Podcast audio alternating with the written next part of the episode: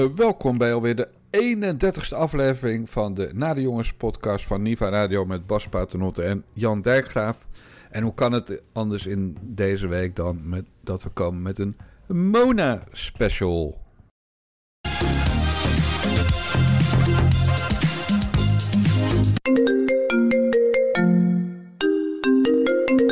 9 op de 10 mensen irriteren zichzelf mateloos aan de verkooptelefoontjes wanneer je s'avonds net aan het koken bent of wilt gaan eten. Ik ga regelen dat je straks alleen nog maar gebeld mag worden wanneer je daar nadrukkelijk toestemming voor hebt gegeven.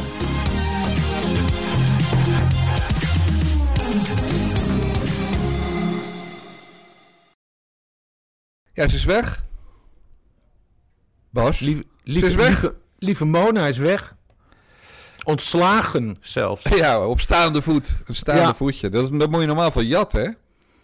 Ja, het, is, het is echt heel erg. Ze mocht niet eens zelf eh, de, de eer aan zich houden. Ja, ik begreep dat ze dat niet wilde eigenlijk. Ja, nee, dat, dat, dat speelt natuurlijk ook mee. Maar het is natuurlijk allemaal van een, van een, van een, van een bizarheid van heb ik jou daar. Eerlijk gezegd, dat interview van haar in de Telegraaf ook. Als je de dag dat die maatregelen ingaan, zo'n groot interview geeft waarin je zegt die maatregelen zijn kut. Ja, sorry, maar ze hebben wel gelijk dat ze dan een schop in de lendenen geven. hoor. Nou, ik vond het juist heel erg moedig voor haar en, eh, van haar. En ze heeft ook duidelijk gezegd van... eh, ik, zal, eh, ik zal in principe dit, dit beleid ondersteunen. Daar doe ik niks aan af, maar dit is wel hoe ik erover over denk. Nee, dit is een... eh, hè, ze hebben het over nieuwe bestuurscultuur en transparantie. Is er een keer eentje eh, transparant, wordt ze eruit gesodemieterd. Ja, het grappige is dat een ander dit ook al een keer gedaan heeft, namelijk Kaag. Toen de avondklokwet eh, eh, was ingevoerd, moeten we zo snel mogelijk vanaf. Dat was precies zo'n signaal eigenlijk. Ja, ja, ja. En dat werd wel gepikt, want dat was mevrouw Kaag. Ja, de een mag meer dan eh, de ander, zoveel is eh, duidelijk. Nee, maar ik vond het heel moedig van haar. En ze heeft ook nog keurig een verklaring op, eh, op Twitter gezet over haar ontslag. En wat trouwens opvallend was, was hè, want de koning die, die gaat eigenlijk over het feitelijk ontslag. Die heeft er ontslagen met alle eerbetonen denkbaar. Zo, zo luidt dan de, de frase die de vorst erbij schrijft. Dus dat vond ik wel opmerkelijk, want Rutte die zei dus we doen het op staande voet. Maar op staande voet ontslagen worden, ja, daar, daar krijg je niet de uitdru- uitdrukkelijke dank voor je inzet eh, bij doorgaans. Nee. En dat kreeg zij dus wel van eh, de moedige vorst. eh. Ja, en, en Pieter Omzicht was terug en die ging het weer over de regeltjes hebben. Maar Rutte beweert, of, ja, Rutte beweert dat er niks fout is, hè? dat het gewoon mag zo. Nou, het, we nemen dit op op dinsdagmiddag. Het, was, eh, het, het, het, het, het zat in het vragenuur. Eh, en, en, en- Rutte die zegt, ik heb helemaal niks fout gedaan. En eh, zowel Pieter Omtzigt als Geert Wilders... Toch wel de twee scherpste messen in de lade van, eh, van, van de Nationale Vergaderzaal... die kwamen er niet doorheen bij hem. Dat was heel, heel erg apart. En uiteindelijk wilde, wilden ze ook nog een, een echt debat over de kwestie... Want het is natuurlijk heel raar dat een staatssecretaris opstapt en dat er dat, of, wordt weggestuurd en dat daar geen debat over is. En dat, dat wordt geregeld bij het vragenuurtje. Eh, en een groot deel van de oppositie had er wel zin in, GroenLinks niet. Eh, maar dan heb je dus een, eh, een Kamermeerderheid tegen. Dus ja, dit is het laatste verhaal over, eh, over Mona Ja. Er eh, geweest. Er, zijn nog wat, liggen nog wat kamervragen, schriftelijke kamervragen, die beantwoord moeten worden. Nou, dus de crazy dat er hier niet nog een groot breed debat over komt in, eh, in de Tweede Kamer. Ja, vind je dat? Ja, ik wil gewoon alles weten. En dit, dit moet je niet even afdoen in een, eh, in een vragenuur. Overigens zei dat D66-Kamerlid met exotische achternaam wel, toen, toen die debataanvraag kwam, we zouden het ook tijdens een regulier coronadebat erover kunnen hebben. Dus dat betekent dat D66 daar een heel klein handje heeft uitgestoken. Ja, want dat mag gewoon. Je mag er naar vragen. Je mag een vraag Ja. tijdens het coronadebat. En dan zegt En- Rutte andere vragen, want dat Ja. zei, hij, zei maandag ook. Ja. Hé, hey, maar eh, er was ook nog een aardig aspect dat eh, de CDA-fractie zei dat ze in overleg met de CDA-fractie eh, ook stopt als Kamerlid. En dat Mona Keizer zelf schreef dat ze op verzoek van de CDA-fractie stopt als Kamerlid. Ja. En wat is de waarheid? Geen idee, maar ik vond het wel mooi dat ze zei: ik blijf hoe dan ook CDA. Wat is daar nou weer mooi aan? Nou ja, dat ook al, ook al is ze uit het kabinet gekikt met medeweten van de, uh, van de eigen partijleider Wopke Hoekstra. En uh, de vicepremier Hugo de Jonge, die ook van het CDA is. En vet grappig. en, dat, en, dat, en, dat ze dan, en dat ze dan toch nog zegt van... Uh, nee, maar ik blijf wel CDA. Dat vind, ik, dat vind ik toch wel van karakter tonen hoor. Pas. Alle respect natuurlijk voor Mona Keizer. Want een van de best geklede dames in, in het uh, Ja, in het beauty, gebouw. beauty om te zien. Beauty om te zien. Vind jij, wilde ik zeggen. Uh, Ja. maar, maar alle respect daarvoor. Maar ze is met voorkeurstemmen gekozen hè, als Kamerlid. Nee, Dus nee, nee. wel. Dat was vorige... Nee, dat was vorige- 18.000 is Ja, ja, was dat... eh, Was dat eh, 18.000 stemmen. En dan, Ja, volgens mij heb je dan een zetel hoor. ik, weet niet wat, ik weet niet wat de grens was. Nou, De verkiezingen 2017, toen had ze 180.000 ja, toen had ze veel meer. Maar toen stond ze ook op de tweede plek. Ja, maar goed, ze is met voorkeurstemmen. Ga er maar even vanuit dat ik het deze keer niet naast zit. Ze is met voorkeurstemmen gekozen. Ja. Ze laat haar kiezers in de steek. En daar is natuurlijk geen enkele reden toe. Ze had eh, de groep Omzicht tot een groep kunnen maken. Eh, hoewel ze natuurlijk op heel veel gebieden niet met Omzicht eens was. Maar ze had, eh, ze had toch een beetje geschiedenis kunnen schrijven. En dit is gewoon, eh, ja, wat mij betreft, eerloos de, de wachtgeld inglijden tot je ergens burgemeester mag worden. ja, maar goed, niet iedereen wil geschiedenis schrijven. Nee, dat blijkt. Dus dan Kijk, geef ze je zo'n telegraaf-interview. Kijk, ze heeft een poging gedaan. Nee, maar goed, kijk, dat is duidelijk geschiedenis schrijven. Eh, eerder heeft ze dus een poging gedaan om eh, partijleider eh, te worden. Hè, met dat, dat lijsttrekkersreferendum. Nou, dat werkt, dat, dat, dat lukte niet. Dus toen heeft ze, heeft ze Omtzigt gesteund. Maar ja, Omtzigt is weg bij het CDA. En wil je, betekent dat dan dat je automatisch nu moet overstappen naar Omtzigt? Nou, in haar geval dus niet. Want ze zegt, ik, blij- ik ben en blijf CDA. Ja. Het is nu vooral afwachten wat er, wat er verder met haar gaat gebeuren. Eh, wanneer het bericht komt dat ze een, een nieuwe baan heeft en welke baan dat, eh, dat is. Ik zou, eh, ik zou iets bij Horeca Nederland doen of zo. Of Ja, alles. ja, dat is een goede. ja, want zij heeft het echt opgenomen voor die mensen. Ja, Ja, een Cora van Ja. Doen heet dat. ja, ja. Ja. En anders viswijf. Volendam hè. Ja, daarom. Edam Ja. trouwens. Ja, ze woont eigenlijk... Iedereen zegt dat het Volendam, maar ze woont in Edam. Maar Ja, is het, dat is één gemeente, was Volendam, Edam. Ah, oké, maar Volendam, dat is veel leuker om... eh, Ja, je zegt het nu niet goed, hè? Je moet, je moet Mona altijd profileren zoals ze zelf doet. mm. Met mijn vijf jongens en mijn man. vijf zoons. En die man is eh, eh, arts, dacht ik. Nou, dat werkt niet. Dus een wachtgeldje erbij. Nou, gewoon lekker, joh. Een beetje skiën van de winter. Helemaal toppie, Ja. toppie. Ja. Maar goed, Maar het feit is, ook- het beleid wordt lijkt- niet gedragen. Wat zeg je nou als Het, laatste? het beleid wordt niet gedragen. Niet eens in het Nou, niet- kabinet. Nee, nou ja, niet door haar dus. Nee. Nou, ze staat natuurlijk niet alleen voor zichzelf. Zij heeft... Nee. Oké, zullen we even eh, de lul die het mes eh, definitief in die rug stak eh, aan het woord laten? Yes. Wat we niet willen is een vaccinatieplicht. Ook geen indirecte vaccinatieplicht. Want mensen moeten zich nooit gedwongen voelen om te bewijzen dat ze gevaccineerd zijn. Ja, dat was namelijk opmerkelijk. Die Wopke Hoekstra die had nog het fatsoen om dit te bedanken voor alles. En eh, we blijven vriendjes en eh, geen ruzie, bla bla bla. Ja. Maar Hugo de Jonge die kwakte gewoon op Twitter even het besluit van, eh, van Rutte... of het persbericht van de RVD naar buiten... zonder ook maar één sympathiek woord. Zonder enige begeleidende tekst. Ja. Heel naar. Dan ben je gewoon een schoft. Ja. Maar Ja, maar we verklaarbaar. wisten wel. We wisten al dat het een schoft was, toch? Ja, zeker. Maar het verklaarbaar is natuurlijk dat ze A het tegen hem opnam toen hij dacht eh, eh, lijsttrekker te worden. Ja. En B, dat ze toen zij het niet werd, dat ze toen eh, Pieter om zich steunde, openlijk. Dus dat zijn gewoon vijandjes, die twee. Ja, ja. Heeft dat nog iets te maken met haar standpunt, denk je? Dus dat ze hem, dat ze hem een beetje de voet dwars wilde zetten? Of is gewoon principieel eh, team Baudet als het gaat om eh, vaccinaties? Nou ja, ik weet niet of ze team, team Baudet is. Kijk, ze, ziet die coronapas ziet ze gewoon niet zitten. Nou, ik zie die coronapas ook niet zitten. Die coronapas is belachelijk. Ik ben zelf gevaccineerd en dan zou ik, dan zou ik met de coronapas moeten bewijzen dat ik gevaccineerd ben. Hallo, ik ben een nette burger. Ik heb me laten vaccineren en ik ga dat aan niemand bewijzen. Gewoon niet. Heb ik geen zin in. Bekijk het maar. En eh, dat, dat is natuurlijk de ene kant van haar standpunt. En het tweede punt is dus, hè, wat ik zei, dat ze ook ziet hoe het met die evenementenbranche, wat, hè, wat allemaal in haar portefeuille viel, eh, dat dat natuurlijk helemaal misgaat. Ja. En nu, nu, nu ook met die coronapas. Ja, klopt. Kijk, wat, eh, wat ik nog het leukst vond uit de verklaring van Mona Keizer... en dat ging natuurlijk over de jongen... dat was de passage over G2.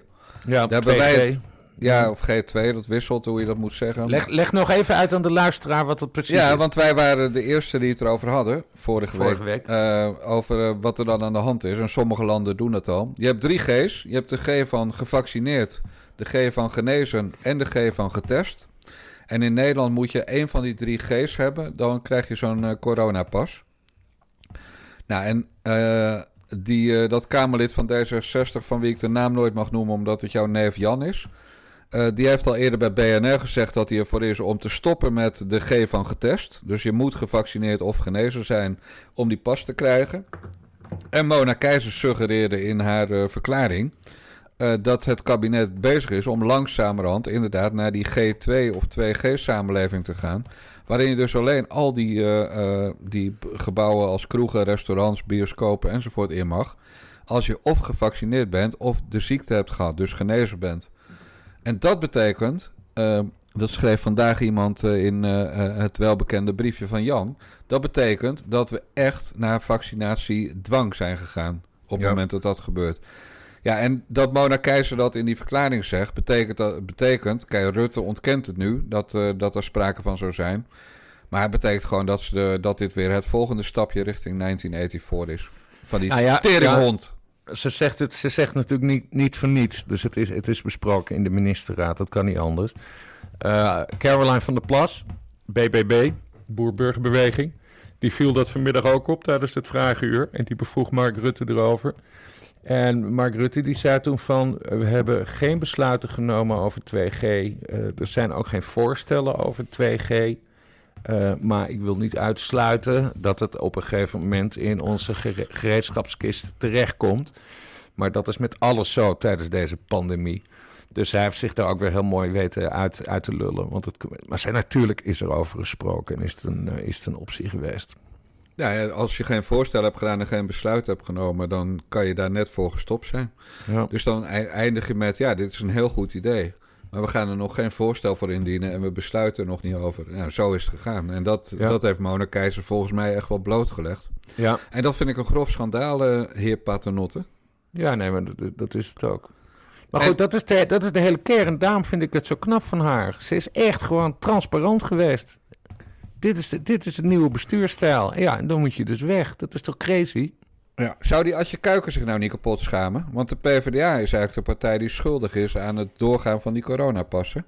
Althans, de verplichting. Ja, ja, ja, ja, ja, ik weet ook niet wat erachter zit. Maar dat, is, dat, is, dat zal ook weer ongetwijfeld met de formatie in GroenLinks Ja, te tuurlijk. maken hebben. Ja. En, hè, want, want GroenLinks, hè, vanmiddag had, was dus die aanvraag voor, voor een groot debat over de, over, over de kwestie Mona, Mona Keizer.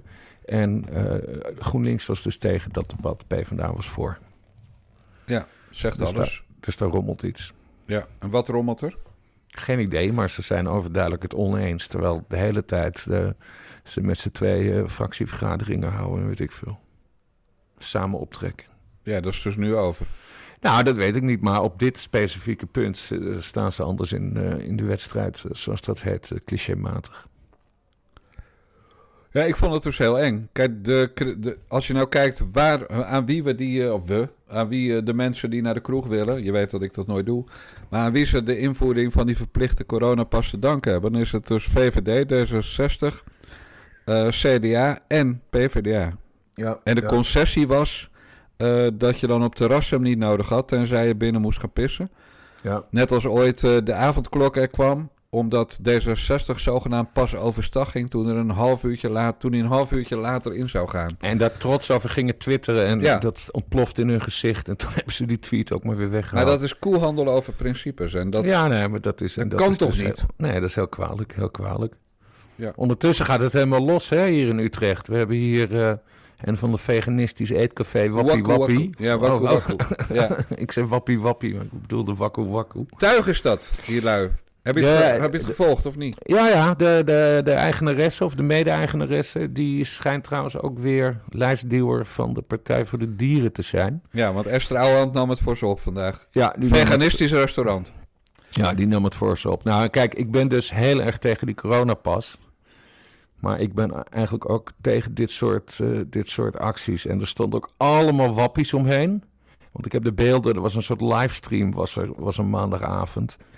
Ja, en dan, dan, dan is een soort vrouwelijke Willem Engel, die is daar dan helemaal los aan het gaan. Oh ja. En, en er was ook nog een meneer, die heet Crispijn Mordechai. En die schijnt ook weer van, van viruswaarheid, dus Willem Engel, Engel te zijn. Dus ja, dan zit je, kijk, het is gewoon een hele essentiële discussie. Hè? Wil je in corona pas of niet? En het, het is gewoon ontzettend ondemocratisch, zo'n zo'n zo'n coronapas. Dat heeft niks te maken met hoe je als samenleving wil zijn. Maar ja, gelijk allemaal wappies erbovenop. Ja, Ja. Dan, gaat, dan gaat de lol er ook wel weer van, eh, vanaf. Ja, wel een mooie mix trouwens. eh, Partij voor de Dieren en de Wappies. Waarom ik het, eh, waarom ik het trouwens vreselijke lui vind van Waku Waku, dat restaurant, is omdat Mhm. ze veel berekenender zijn dan we allemaal denken. Er was een jaar of twee, drie geleden een keer zo'n bakker ergens in het westen van het land die een crowdfunding begon. Ik weet bij god niet meer waarom.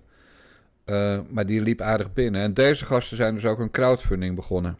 En een half uur geleden, dus voor wij begonnen, toen ik wakker werd, eh, zag ik dat ze al meer dan 70.000 euro hebben opgehaald. Dus je, je gooit eh, je restaurant eh, niet dicht. De, vervolgens zet Sharon Dijksma, jouw vriendin Sharon Dijksma, zet een nieuw slot op die tent. Ja. Hij mag niet open en dan ga je crowdfunden en dan haal je binnen no time meer dan 70.000 euro op. Stond er nog een doel bij die crowdfunding? Van we gaan ermee naar de rechter of zo? Ja, dat weet ik veel. Maar goed, dan ben je ook voor 2000 klaar en dan verlies je. En als- En dan, en dan de rest in eigen zak steken. Precies, want kijk, ik ben erg voor doneren, Bas. Hè? Ja, Ik bedoel, ja. als mensen bij ons willen doneren, zeg ik ga naar de tpo.nl, naar de, naar de jongens podcast. Ga naar nadejongens.backme.org of ga naar bunk.me slash Niva Radio. Helemaal top. Maar wij doen wat voor dat geld. Maar die lui Ja. van, van Waku Waku, die werken dus niet. Dus die hebben allemaal een vrije dag. En morgen hebben ze weer een vrije dag. En dan vullen ze hun zakken op een gigantische manier. Want ja, zo'n tent zet natuurlijk in geen jaren op één dag eh, 70.000 euro om. Met al je veganistische liflafjes. Precies, en, en ze, hebben nu dus, ze hebben nu dus al die planten en die bloemetjes doodgemaakt. Hè, die daar in die keuken staan. En die ze niet gaan, gaan koken en wat ze er ook allemaal mee doen. En bakken en braden en, en rauw opeten. Ja. Dus ze hebben echt de natuur pijn gedaan. En ze vullen hun zakken. En ze hebben een vrije avond. En ze gedragen zich als slachtoffers. Een beetje alsof ze bij B1 zitten. Dus Ja. fuck die lui van Waku Waku. En ik wil jou ook vragen. Je, je woont in Utrecht. Wil je alsjeblieft nooit van je leven bij Waku Waku gaan eten? Nou ja, ik kan nu sowieso nergens eten, want ik, ik ben dus tegen die coronapas. Dus ik, ik kom niet meer in de, ik kom niet meer in de, sowieso in de horeca om te dineren. En, en verder eh, breng ik eh, de, de lome dagen door op een, eh, op een terras. Ja, maar stel dat Waku Waku als enige open gaat omdat ze scheid hebben aan die regels. Hè? En ze maken er bijvoorbeeld een vereniging van, hè? wat veel restaurants doen. Wij worden nu een vereniging, dan mag het wel. Net als Sociëteit de Witte. ja, een sociëteit, ja precies. Precies, dus dat maken ze ervan, dan mag het allemaal wel. Maar dan nog wil ik, als ze dat doen, dat jij belooft dat je, al is de enige tent in Utrecht, dat je daar niet gaat eten, Bas. Het is, het is uitgesloten dat ik ooit een voet binnen zal zetten in Wappie wa, wa, Wakku Wakku. Dankjewel. Gaan we nu naar de formateur Johan Remkes. Wij hebben een aantal uitstekende gesprekken met elkaar gehad. Maar wat complicerend heeft gewerkt, dat is wat er eh, zich donderdag en vrijdag eh, in Den Haag heeft afgespeeld. Dat heeft de gesprekken wel bemoeilijkt, maar heeft op zichzelf aan de kwaliteit van de gesprekken ook weer niet veel afgedaan. Het probleem is verder dat er, eh, zoals bekend, aanstaande dinsdag Prinsjesdag is. En dat er eh, woensdag en donderdag de algemene politieke beschouwingen zijn. Dus wij hebben eh, met elkaar geconcludeerd dat we nog niet uitgesproken zijn. Het gesprekskader is nog steeds hetzelfde, eh, namelijk het, de motie van de Kamer en het, het eindverslag van, eh, van informateur Hamer. En wij spreken volgende week maandag verder met elkaar. Nou, we, we hebben het er straks nog wel over waarom. Maar ik heb dus vlak voor we deze podcast gingen opnemen... heb ik eh, een half uurtje het moede hoofd te bedden gelegd. Heb ik geslapen. Dus ik heb al het nieuws over de formatie gemist. Dus praat me bij. Nou, het is wel grappig. Vlak voordat, eh, vlak voordat eh, dat wij met elkaar gingen inbellen, eh, kwam dus een bericht, een briefje van Johan Remkes aan de Tweede Kamer. En vandaag, als u dit luistert, de woensdag, gaat hij met negen partijen verder praten. Negen. Ja, ik zal ze even opnoemen. VVD, D66, CDA, PvdA, GroenLinks, ChristenUnie, Volt, SGP en als laatste Fractie Den Haan. Jezus. nee, maar dat is dus. Frits Wester die had het al eerder op de dag een beetje gemeld. Het, het, het, het is dus een de- hij gaat dus voor een deels extra parlementair kabinet. Hè, want de opdracht van Remkes is van de Kamer: vorm een minderheidskabinet. Nou, toen had je dit weekend Sigrid Kaag, eh, die met een nepmededeling kwam dat ze toch wel voor open stond om ook met, eh, met de ChristenUnie te gaan praten. Wat ze, wat ze in juni ook al had gezegd. Maar goed, zo rol D66. ja. Eh, maar goed, ja, negen partijen. En eh, de, de verwachting is dus dan een minderheidskabinet. En dan, dat je dan, de, dus VVD, eh, CDA, D66. En dat je dan de rest aanvult met ministers en staatssecretarissen van andere, andere partijen. Wat op zich wel een lollig, lollig experiment kan zijn. Ja. Alleen, ik mis één partij in, in dit lijstje. En welke partij is dat, Jan Dijkgraaf? ja, ik mis er, ik mis er dus eh, tien. Nou, ik mis vooral Ja 21. Oh, die mis jij het meest. Ja, want die hebben ook gewoon nog zeven zetels in de, in de, in de Senaat, in de Eerste Kamer, onder aanvoering van, eh, van Annabel Nanninga. Het lijkt mij een hele goede club om even mee te gaan praten. Maar ik vermoed dat daar een blokkade ligt van, eh, van mevrouw Kaag. Ja, dat lijkt mij ook. Want eh, Ja. die, die wordt in de, in de Kaag-gezinde media ook altijd onder eh, Forum en Partij van de eh, PVV geschaard als eh, ja, rechtsextremistisch. Of Ja, wat, wat onzin is. Tuurlijk is dat onzin, ja. Ik bedoel, Nee, maar dat, dat doen ze. En eh, er worden Ja. zelfs boeken over geschreven, geloof ik. Door eh, eh, mevrouw en dochter van Wezel. Over dit soort eh, partijen. Maar, nee, dat, maar het is natuurlijk gewoon... Een Oh nee, nee, wacht even. Nee, dat is de, hout, de houtgreep. Dat is van Annette Blijg, eh, dat is de moeder van. En, Ja. en eh, Natasja van Wezel. Klopt. Ja, eh, familie van de bekende journalist, helaas veel te vroeg overleden Max van Wezel. En dat boekje heet Houtgreep en dat was een onderzoek voor, voor Nieuwsport. Ik heb dat gisteren toevallig gelezen. Ik vond het een alleraardigst, alleraardigst boek. Nou, oké. Ja, boeien, flikker in de, in de open haard. Moet ook branden. Ja, ja. Eh, waar het om gaat, is dat, eh, dat omzicht niet wordt uitgenodigd... en wel die, die koekwous van een Den Haan. Dat vind ik Ja, nog veel, veel eh, verbazender. Verbazingwekkender. Echt heel bizar. Maar ik denk dat Omzicht ook dan ook weer op een blokkade kan rekenen van, Rutte? van Wop. Van, Oh, Wopke. Ja, Rutte en Wopke. En, eh, en, en Hugo in mindere, minder of meer mate. Maar goed, ze willen, ze willen Maar breed... dat Den Haan, dat, dat ja, is, dat is toch belachelijk? echt wat de fuck. Ja, dat mensen dat deugt echt van geen meter. Nee, ruziemaakster. Ja, en, en een partij die niet meer bestaat. En in de Eerste Kamer Ja. nul zetels, omdat ze uit de 50 plus is gestapt. Dus het is Ja. echt helemaal niks. Alleen ze stemt wel altijd al trouw mee de laatste weken. Ja, ja, ja. Maar ik had, ik had, ik had ja 21 dan toch een wat betere optie eh, gevonden. Maar eh, Remkes durft dat dus overduidelijk niet aan. En dat heeft dus te maken met, is mijn gok, met Sigrid Kaag. Ja, maar wie nog meer niet? Eh SP niet.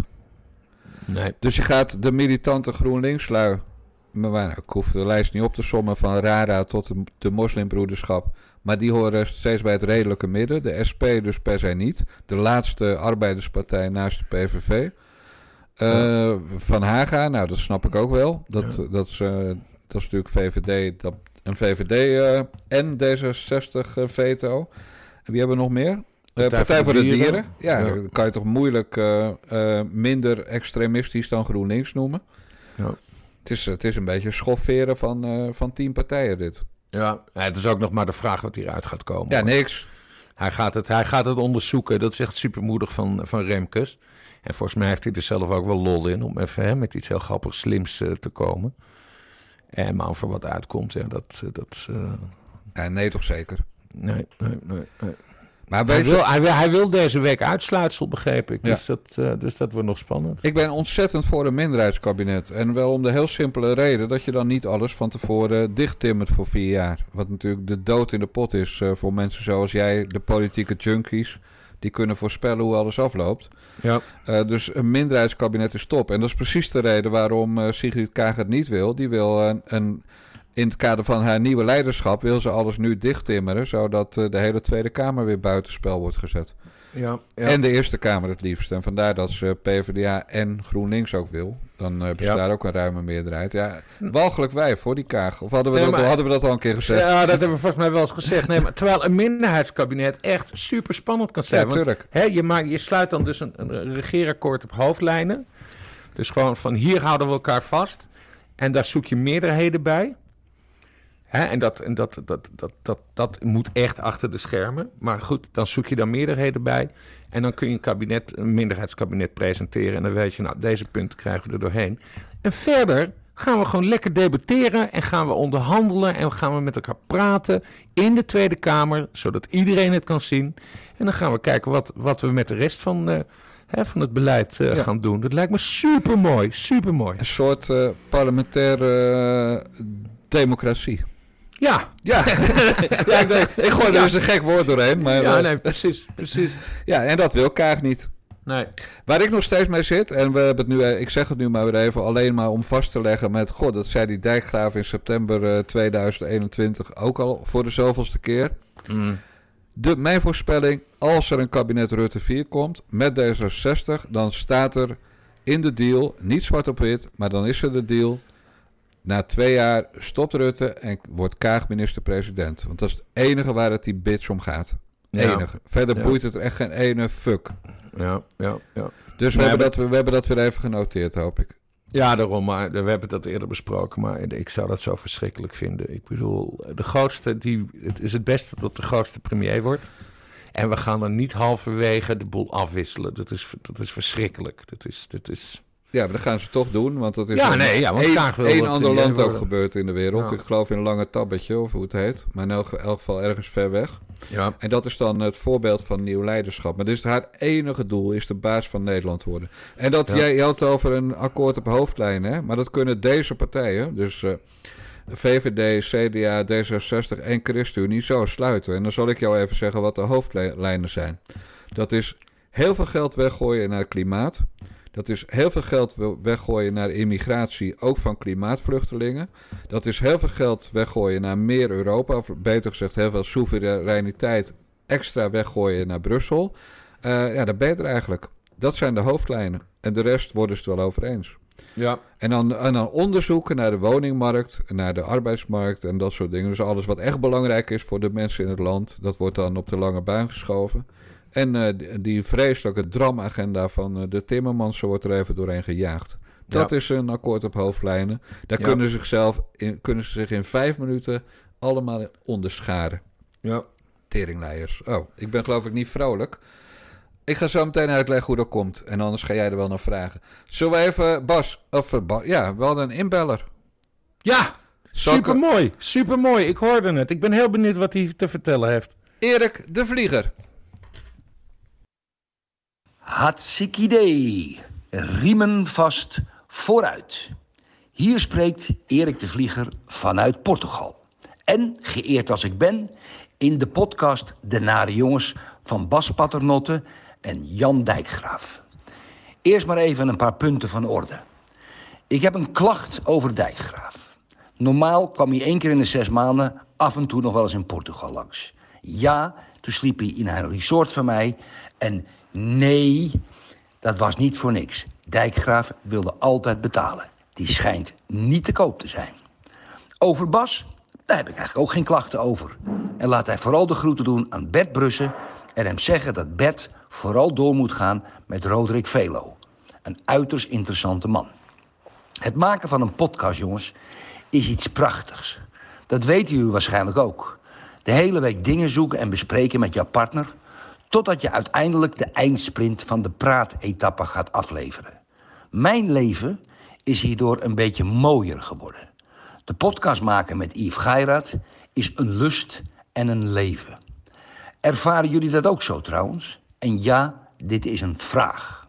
Wel nu, onze podcast De Kiks, die ik samen met Geirat maak, is genomineerd voor de beste podcast in de rubriek Nieuws en Opinie. En ik wil jullie luisteraars oproepen om te stemmen op ons via podcastawards.nl. Normaal doe ik geen reclamepraatje, maar deze keer wel. Immers, de grote vriend, grote vriend van Bas, jullie weten wel, Sander Schimmelpennik, die Zander die zo'n beetje de meest gehate man is op Twitter, heeft toen Geirat en ondergetekende met de grond gelijk willen maken op het moment dat wij de podcast begonnen. We zouden het niet redden, de hermelijn vlooien en we zouden snel van het toneel verdwijnen. Dom rechts overwint nooit, zei Schimmelpennik tijdens een van zijn psychotische aanvallen. En nu, lieve Bas en Jan, is de Gigs genomineerd voor de beste podcast. In diezelfde rubriek, nieuws en opinie. Iets wat jullie volgend jaar ook misschien gaat overkomen. Je weet maar nooit. Dus buiten het feit dat wij de beste podcast maken, vraag ik jullie luisteraars om op ons te gaan stemmen. Dat vinden wij belangrijk. Tevens stemmen op Yves Geirat, die met de mooiste stem van Nederland als beste host genomineerd is. Stemmen dus op de gigs, luisteraars. Niet voor mij, niet voor Bas, niet voor Yves, niet voor Jan, maar voor Sander. Stemmen. En ook krijgt Jan Dijkgraaf nog de groeten van de notaris. De notaris? Jazeker, de ketting. De ketting die mij in het gareel houdt.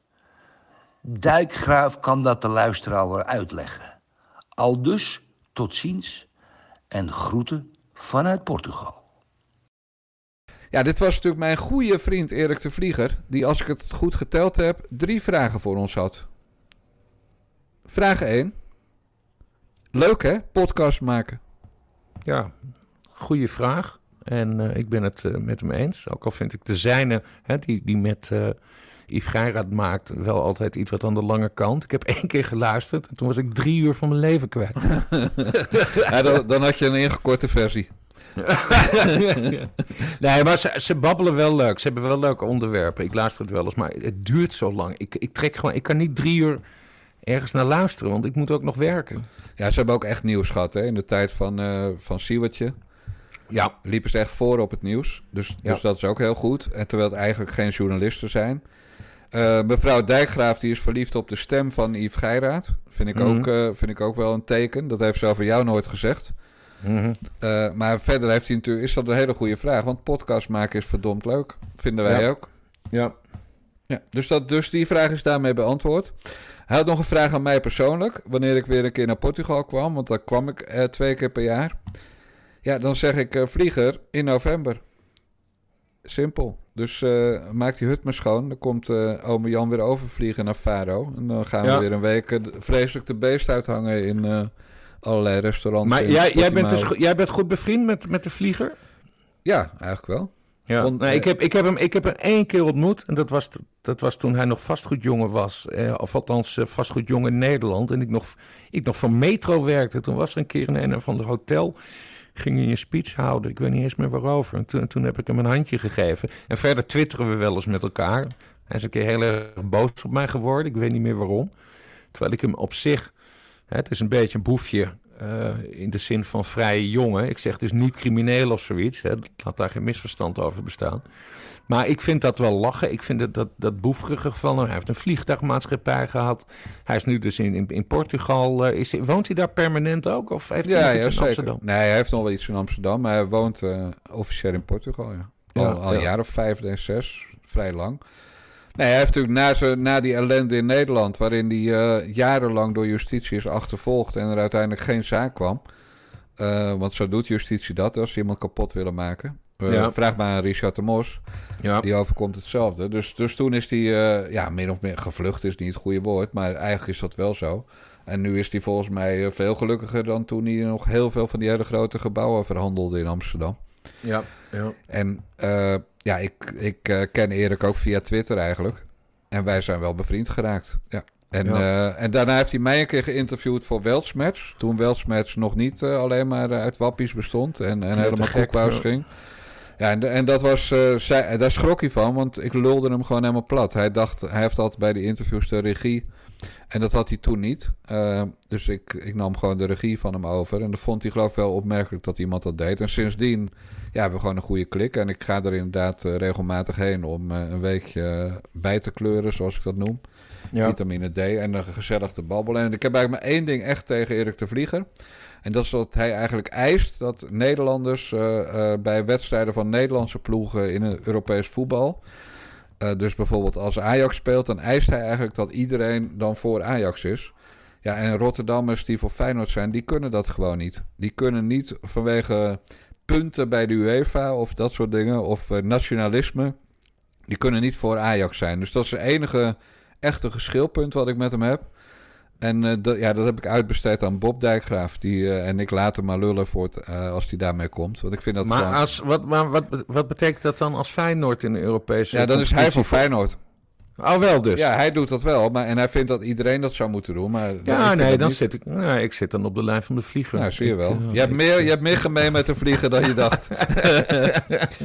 nee, wat bijvoorbeeld grappig is... Kijk, de vlieger die zit nu inderdaad in die, eh, die podcastverkiezing... Hè, die, eh, die de TPO-podcast ook wel een keer gewonnen heeft. Ja, twee keer zelfs. Ja, en hij is genomineerd, ik geloof bij de laatste vijf. En dan ging die... die en dat is een publieksverkiezing. En dan ging die Sandertje Schimmelpenning weer lopen huilen op... eh, op Twitter dat de Vlieger en Geiraat het domme rechtse volk achter zich hadden gekregen.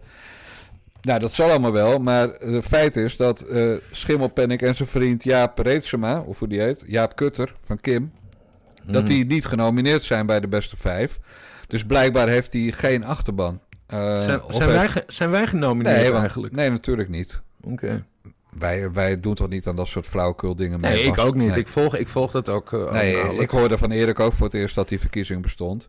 Ja. Maar goed, als je, dan, als je dan niet genomineerd wordt en je gaat lopen afgeven op een van de genomineerden, omdat hij dan zogenaamd weer dom rechts, hè, dat, dat standaardwoord van die, van, die, van die kleuter, omdat hij dan dom rechts zouden hebben gemobiliseerd. Ja, dat is zo vreselijk kinderachtig. Dus ik vind alleen om die reden al dat iedereen eventjes op, eh, op de Vlieger en Geiraat, de gigs heet het, moet stemmen. Om ja, nee, maar dat, dat, dat, dat zegt de vlieger ook duidelijk in het fragment wat we net hebben gehoord. Ja. En, eh, dat het hem allemaal ook nog eens om, eh om schimmelpenning te doen is. Maar goed, dat, ik ben fan van schimmelpenning en van Jaap Sieverts Reesema heet hij volgens mij volledig. Sieverts? En, Jaap Sieverts Reesema. Ja, oké. Nou ja, meneer Kutter. En, en, of, of meneer Kutter, want hij is inderdaad getrouwd met mevrouw Kutter. Voormalig model Nederland of zo. Wereld, wereld, Miss Universe Nederland. Miss Universe Nederland. Ja. Ja, maar ik vind de zelfpodcast dus... eh, maar dat, ja, Ja, maar. Ja, Die maar die is superleuk. Ja, die is, superleuk. man die is niet eens genomineerd. Stelt helemaal geen fuck voor. Nee, jammer. Maar goed, kom- nog wel een keer. Komt nog wel een keer. Ja, maar dan zijn wij hun tegenstander. Nee, maar ik bedoel, zoals Bert uh, Brussen en Roderick Velo... die deden dan uit een soort eh, gebbetje mee met die verkiezing... en wonnen Ja. hem. Ja, dat is gewoon hoe het moet.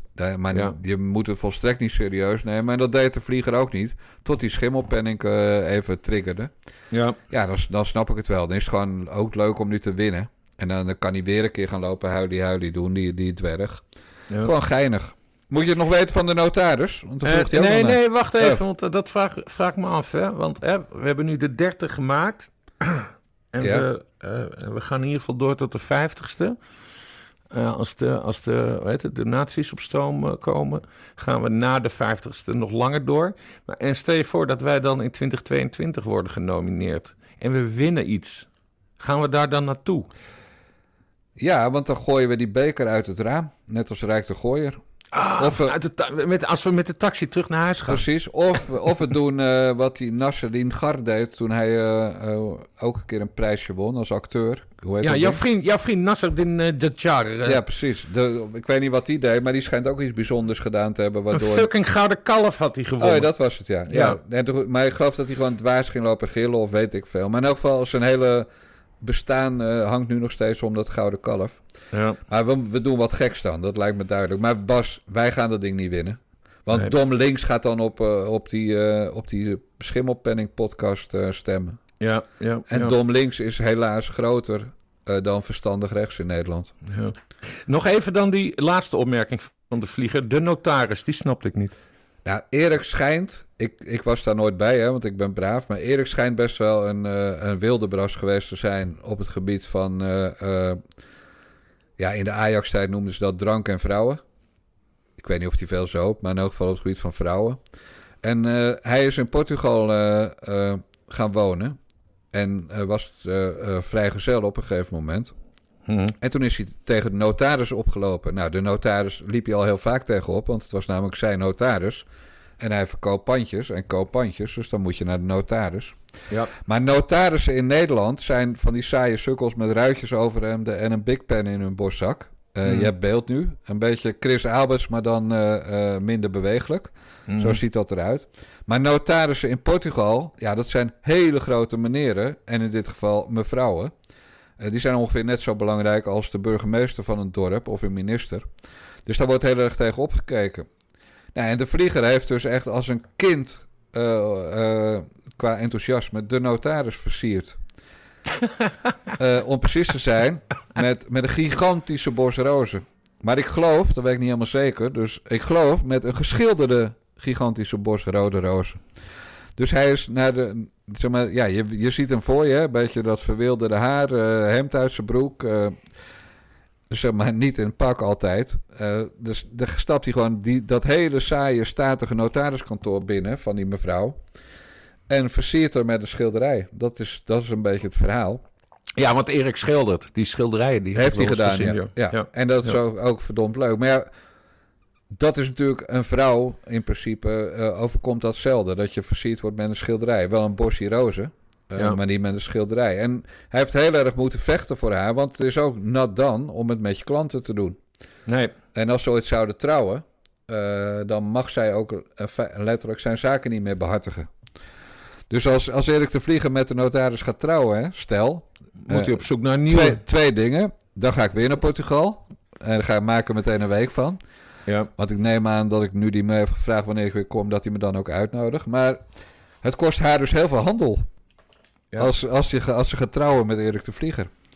Nou, en dan nog iets, Bas. Het is zo'n dame, ik kan het niet anders zeggen. Een dame met een hoofdletter D. Dus je ziet Erik voor je, Amsterdam Schoffie. Ja. En je ziet echt een ongelooflijk mooie dame van Joodse afkomst. Oh, kijk eens. Nee, dus is, de- is, is, is dus- ook brunette. Nee, maar ik wilde zeggen, laat me nou even de zin afmaken. Van Joodse Ja. afkomst. Dus dat betekent dat Erik tegen mij heeft gezegd: wat er ook gebeurt, Dijkgraaf, als je het over de notaris hebt, Bas Paternotte niet mee naar Portugal laten komen. Nee, want ik Want- ben heel goed met Joodse meisjes. Precies. Ja, want Erik is toch een, blijft toch een onzeker jochie. Wat dat betreft. Oh, geweldig. maar het is echt een prachtige, aardige vrouw. Met eh, hele leuke dochters. Die heb ik ook een keer ontmoet. Want ben daar een keer geweest eten. En eh, we gaan ook wel eens dan met z'n allen eten. Ja, dat is. Dat is eh, dan zie je gewoon dat E- Erik de Vlieger, de man die altijd in charge was, zijn hele leven, of dacht dat hij in charge was, ja, gewoon eh, braaf is als de notaris in de buurt is. Ja, maar goed, dat, dat, dat, dat, dat, dat doen vrouwen soms met, met mannen. Ik vind, het wel, ik vind het wel leuk voor hem. Ik vind het een leuk verhaal om te horen. Ja, nou goed. En als hij ooit gaat trouwen, dan eh, eh, stuur ik een foto. Eh, van mij met de notaris. Ja, heel goed. Vind je dat wel leuk? een ja, nee, ik wil dat wel een keer zien. Ja, Kan ik al naar mijn nest, Bas? Nee, maar ik kreeg een heel zorgwekkend appje van jou afgelopen week.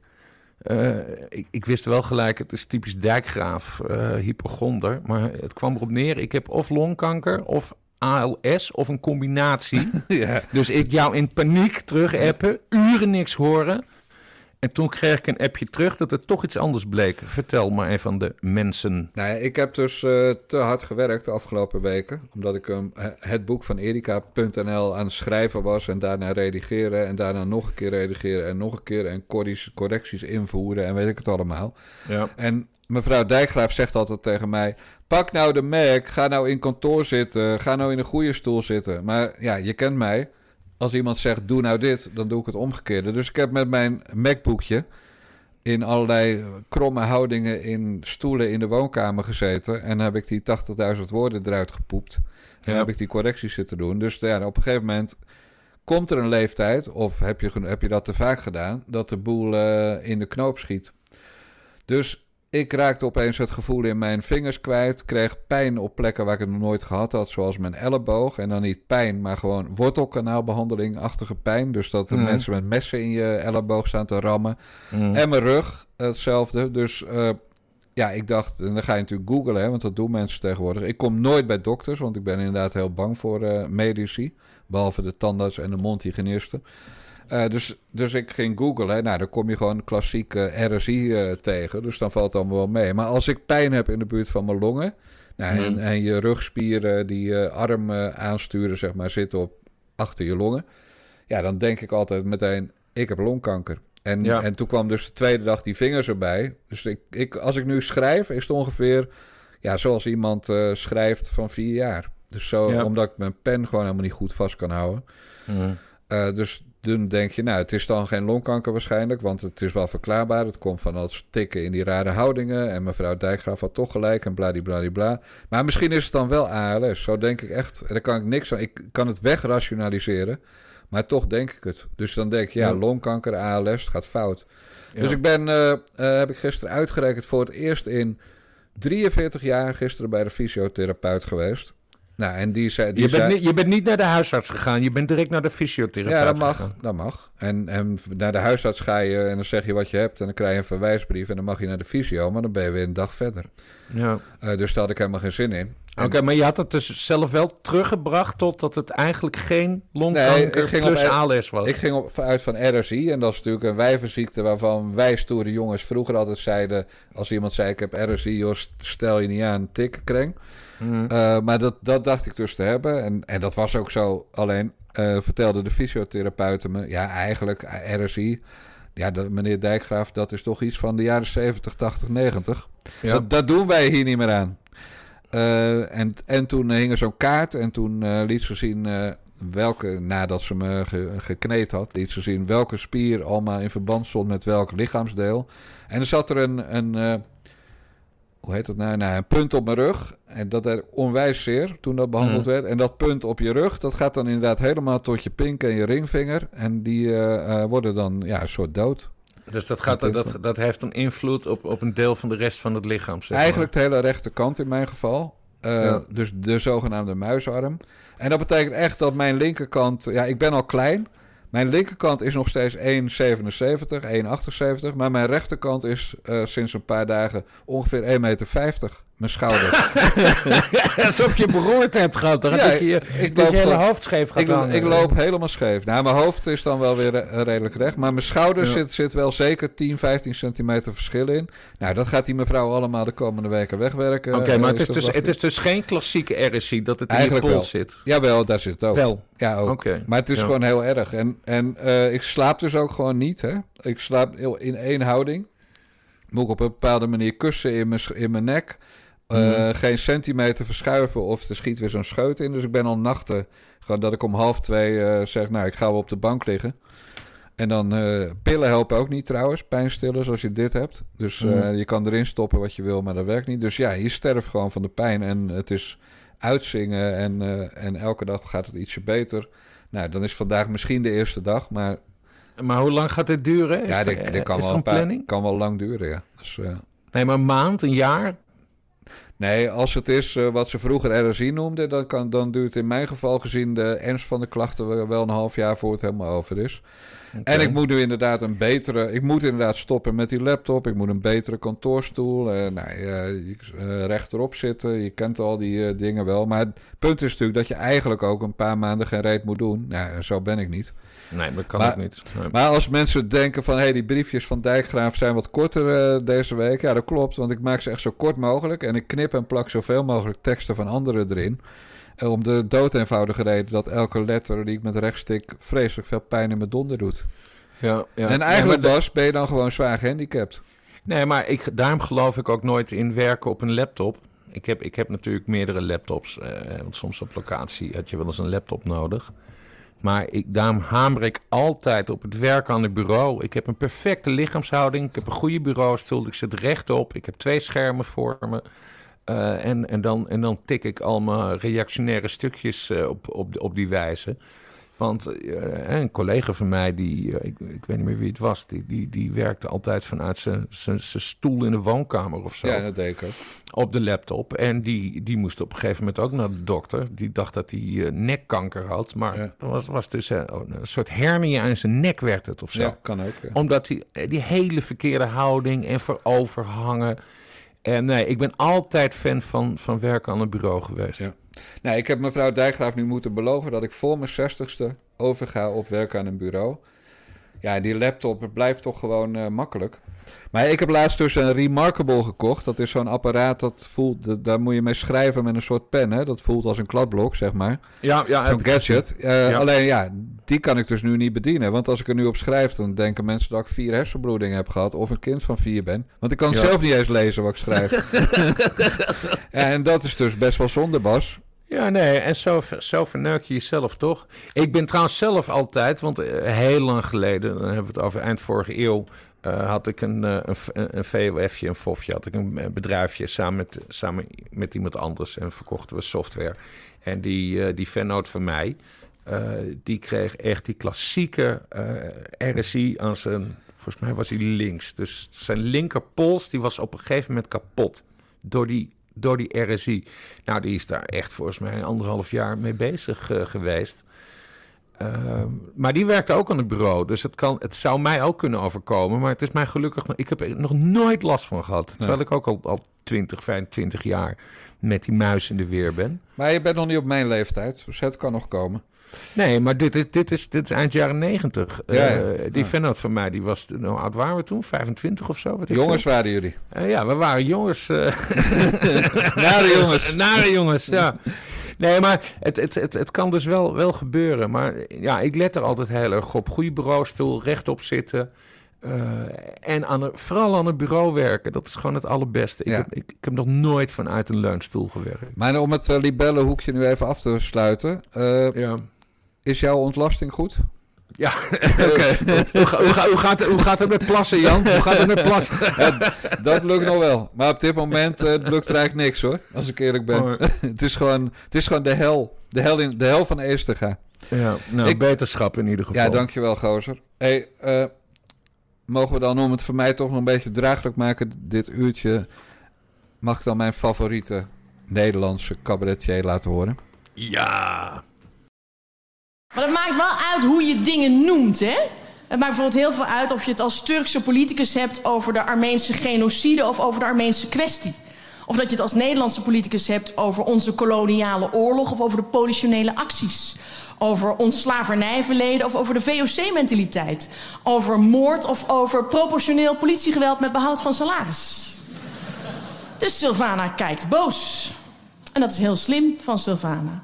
Want boze mensen krijgen in onze tijd alle aandacht.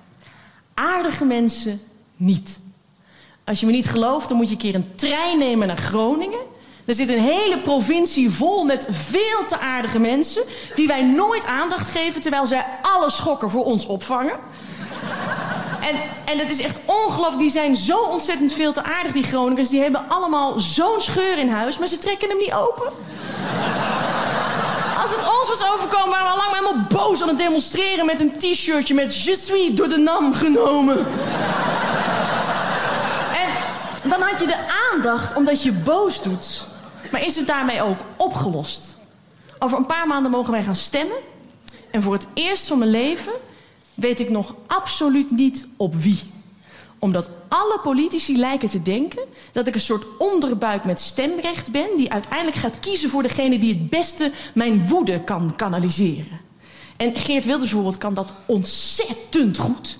Die doet dat zo indrukwekkend. Die is namelijk boos over heel veel dingen waar ik ook boos over ben. Maar hij is dan altijd nog veel kwader. Ik doe dat zelf nu thuis ook. Als de kinderen bij mij komen mopperen dat de wifi het niet doet... dan doe ik gewoon een geertje... Dan zeg ik, nee, de wifi doet het niet. En dat is voor mama nog veel erger dan voor jullie. En weet je hoe dat komt dat de wifi het niet doet? Dat komt door de elite. Dat komt doordat alle buren minstens drie routers hebben neergezet. Willen jullie meer of minder buren? Dan gaan we dat regelen.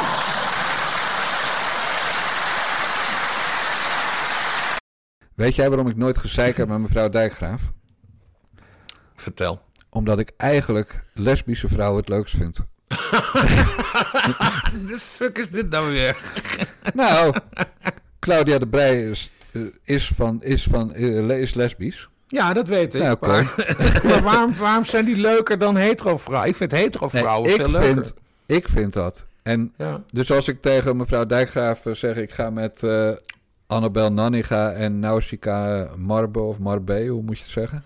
Ja. Naus, met Naus eten met Claudia de Brij, wat wel eens gebeurd is... Dan zegt mevrouw Dijkgraaf niet... eh, eh, er gaan toch geen gekke dingen gebeuren? Nee, die zegt gewoon... Goh, leuk. Veel plezier. Ja. En ja, ik, heb, eh, ik ben bijvoorbeeld als kind... was ik helemaal weg van Jodie Foster. Actrice. Ja. Ook lesbisch. Wist ik toen helemaal niet. Ik wist amper Die is helemaal niet lesbisch. Die, Ja. die heeft een relatie met Harrison Ford. was. Ja, nee, maar echt, ze heeft een relatie met Harrison Ford. Zoek maar op. Nu gaat Bob Dijkgraaf jou bellen. Jodie Foster is lesbisch. Maar goed, daar gaat het helemaal niet om. Waar het om gaat is dat Claudia de Breij de eervolle opdracht heeft gekregen om een boekje te schrijven over prinses Amalia ter gelegenheid van haar 18e verjaardag. En dat vind ik zo leuk dat Claudia de Breij daarvoor is gevraagd. Want wat gebeurt er dan? Dan gaan al die zijkstralen weer beginnen over.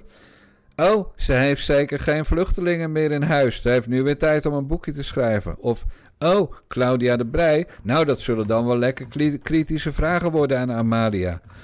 En die klootzakken, die snappen niet dat bij zo'n boekje helemaal niet hoort... bij een meisje van 18 dat je kritische vragen stelt. Dat snappen ze dan niet. En die klootzakken snappen niet dat je geen oude koeien uit de sloot moet blijven halen... want op een gegeven moment rotten die koeien en stinken ze. Dus het is onwijs goed dat Claudia de Breij dat mocht doen. En, en wat ik ook tegen al die lui zou willen zeggen... wie dan? Hadden ze dan Aaf Brand Kostius moeten vragen? Of Sanne Wallis de Vries? Of een andere natte tosti uit het, vrouwen, eh, uit het vrouwendeel van de schrijvers? Nou, of Paulien Cornelissen, die dan allemaal hele korte zinnetjes grappig bij achter elkaar gaat schrijven. Dus het is gewoon hartstikke goed, want Claudia de Breij is een bestseller-auteur. En ik hou van Claudia de Breij. En dat laatste vind ik eigenlijk het allerbelangrijkste argument. Dus ik gun haar gewoon die handel. Dat is gewoon kassa voor Klauw. Hmm. En dan gaan we misschien weer een keer uit eten. En betaalt zij weer. Want zo geëmancipeerd wil ik wel zijn.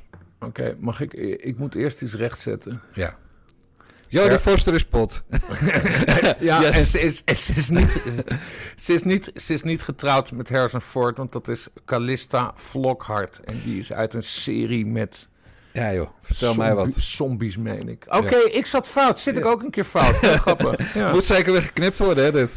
Ja, nee, dat hoeft helemaal niet geknipt te worden. Dit, wij zijn, eh, wij zijn, dit is nieuwe bestuurscultuur. Wij zijn heel erg eh, transparant eh, in dit soort, eh, dit soort zaken.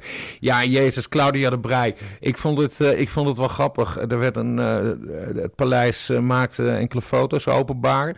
Eh, een, een selfie gemaakt door eh, de prinses van Oranje samen met eh, Claudia de Brij. Dat ze samen op de foto staan. En tegelijkertijd twee foto's van de prinses van Oranje terwijl ze op een paard zat. En dat vond ik wel grappig qua Claudia de Brij. Ja, ik Paard. snap. Bas, Bas, niet doen. Niet doen. Oké, laat, laat ik de schade maar weer beperken. Want ik verbeeld me natuurlijk niks. Hè. Als Claudia de Brij hetero zou zijn geweest, zou ze echt niks van mij willen. Dus even dat dat even is vastgesteld, want anders gaat die schimmelpenning of een ander uh, links Maar wat, wat wil ze nou wel van je? Waarom, waarom is ze bereid om eh, met, met jij, de, dat- die, hè, de kleine kale kapelmeester, met zijn guurrechtse menentjes wel te gaan dineren? Nou, dat was toen voor, eh, voor haar oudejaarsconferentie. Ze wilde weten hoe, eh, hoe rechtse mensen eh, over bepaalde dingen dachten. Dus dat was... eh, maar verder, ja, weet je, ik heb dat ook met Dolf Jansen. Ik mag linkse mensen die ook openstaan en normaal doen tegen, tegen mensen die rechts geacht worden te zijn zoals ik. Ik haat het als mensen, iedereen die, die rechts is, die iedereen haat die links is. En iedereen die links is, die haat heeft op mensen die rechts zijn. A, kloppen die labels niet. Maar dat altijd maar, dat, dat denken in kampen en kampen die deugen. Eh, Maarten Keulemans van de Volkskrant, die schreef deze week... Die vond een eh, briefje van mij vond hij belachelijk aan de deugdmedia. En er schreef Mhm. een briefje terug. En toen ging natuurlijk iemand... Ja, die dijkgraaf moet je niet op reageren. En toen zei hij... Nou, hij, heeft, hij kan een aardig stukje schrijven. Ik downplay het nu. Hè. Hij zei het vriendelijk. Maar hij, hij kan een aardig stukje schrijven. Hij denkt tenminste na en hij heeft humor. En ik ben het nooit met hem eens. Nou, dat, daar hou ik van. Dus... eh, Ja. En andersom is dat meestal ook zo. Dat ik het meestal niet met hem eens ben als ik het al lees. Want ja, wetenschapsjournalistiek, my ass. Ik ben meer van entertainment. Uh, maar de, dat hokjesdenken en dat alle anderen aan de andere kant van het spectrum dan niet deugen, daar heb ik gewoon een tyfushekel aan. Dus ik ben inderdaad ook een keer bij een show van Dolf Jansen geweest. En dat vind ik ook gewoon een aardige gozer. En die zal altijd reageren als iemand, een of andere domme sukkel van extreem rechts op hem gaat lopen schelden.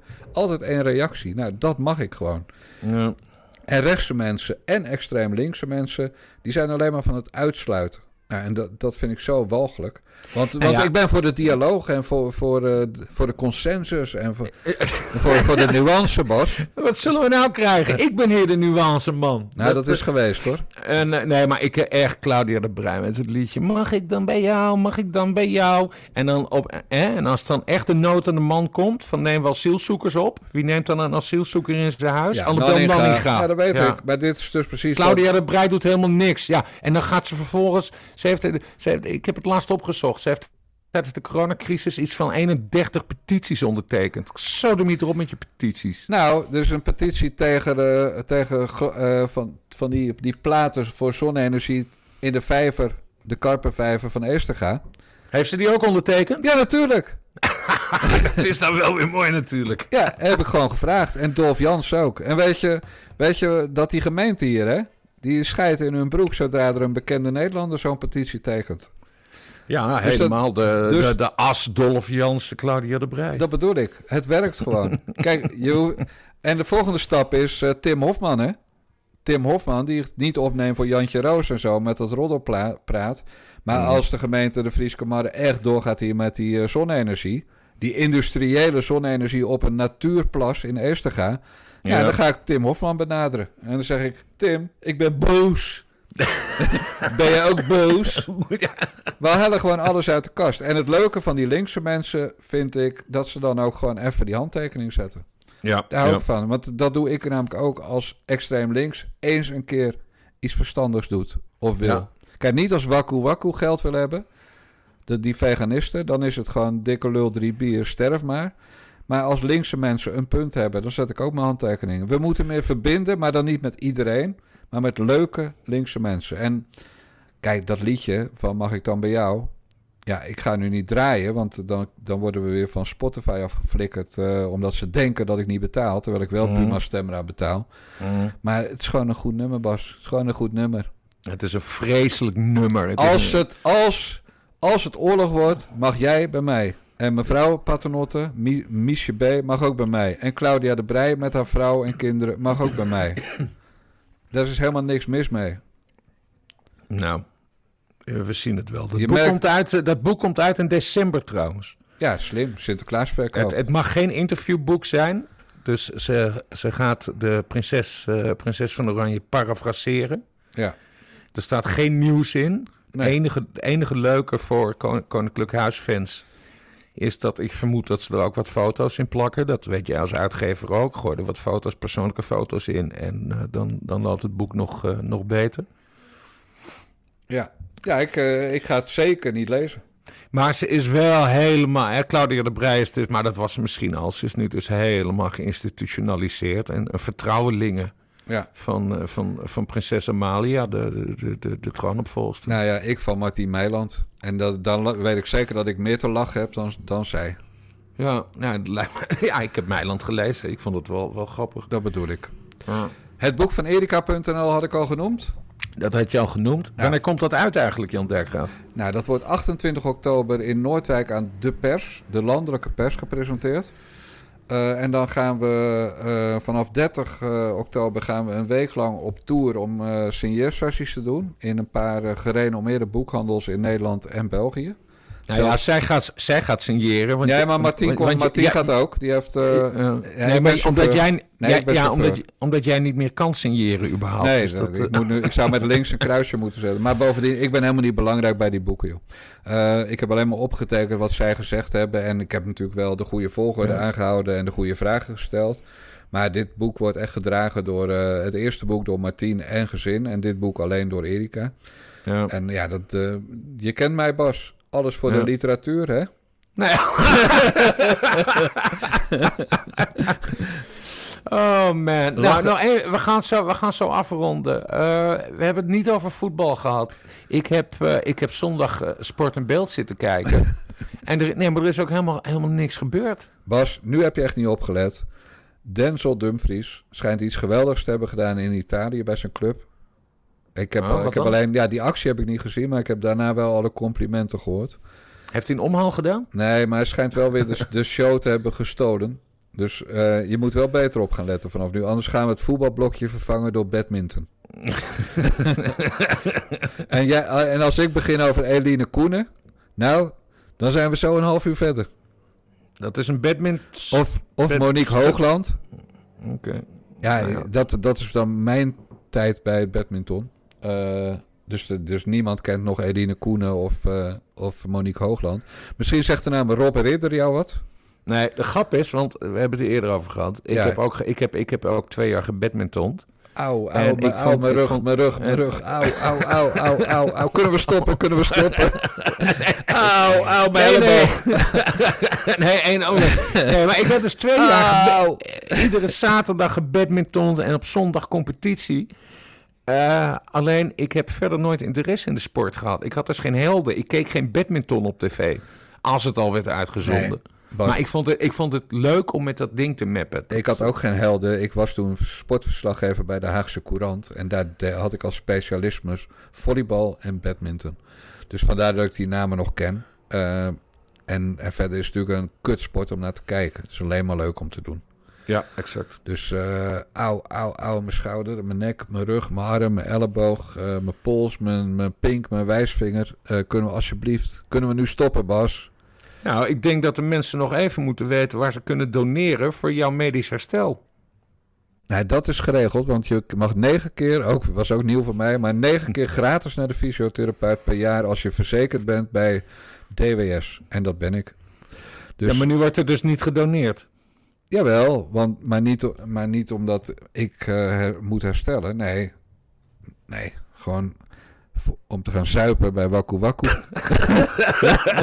wappie wappie. Wappie Wappie wordt namelijk een vereniging, want die hebben dat nu eindelijk begrepen. En ja, ze kunnen niet elke keer eh, 70.000 Ja. per dag binnenhalen aan donaties om lekker hun eigen zak te vullen en niks te doen. Geen, geen, vereniging, maar een sociëteit. Ja, dus die gaan gewoon voortaan bier, eh, bier schenken en wijn, eh, wijn tappen voor eh, de heren Paternotte en Dijkgraaf. Van het donatiegeld wat wij binnen gaan krijgen, omdat de mensen heel goed luisteren naar wat ik nu ga zeggen. Oké?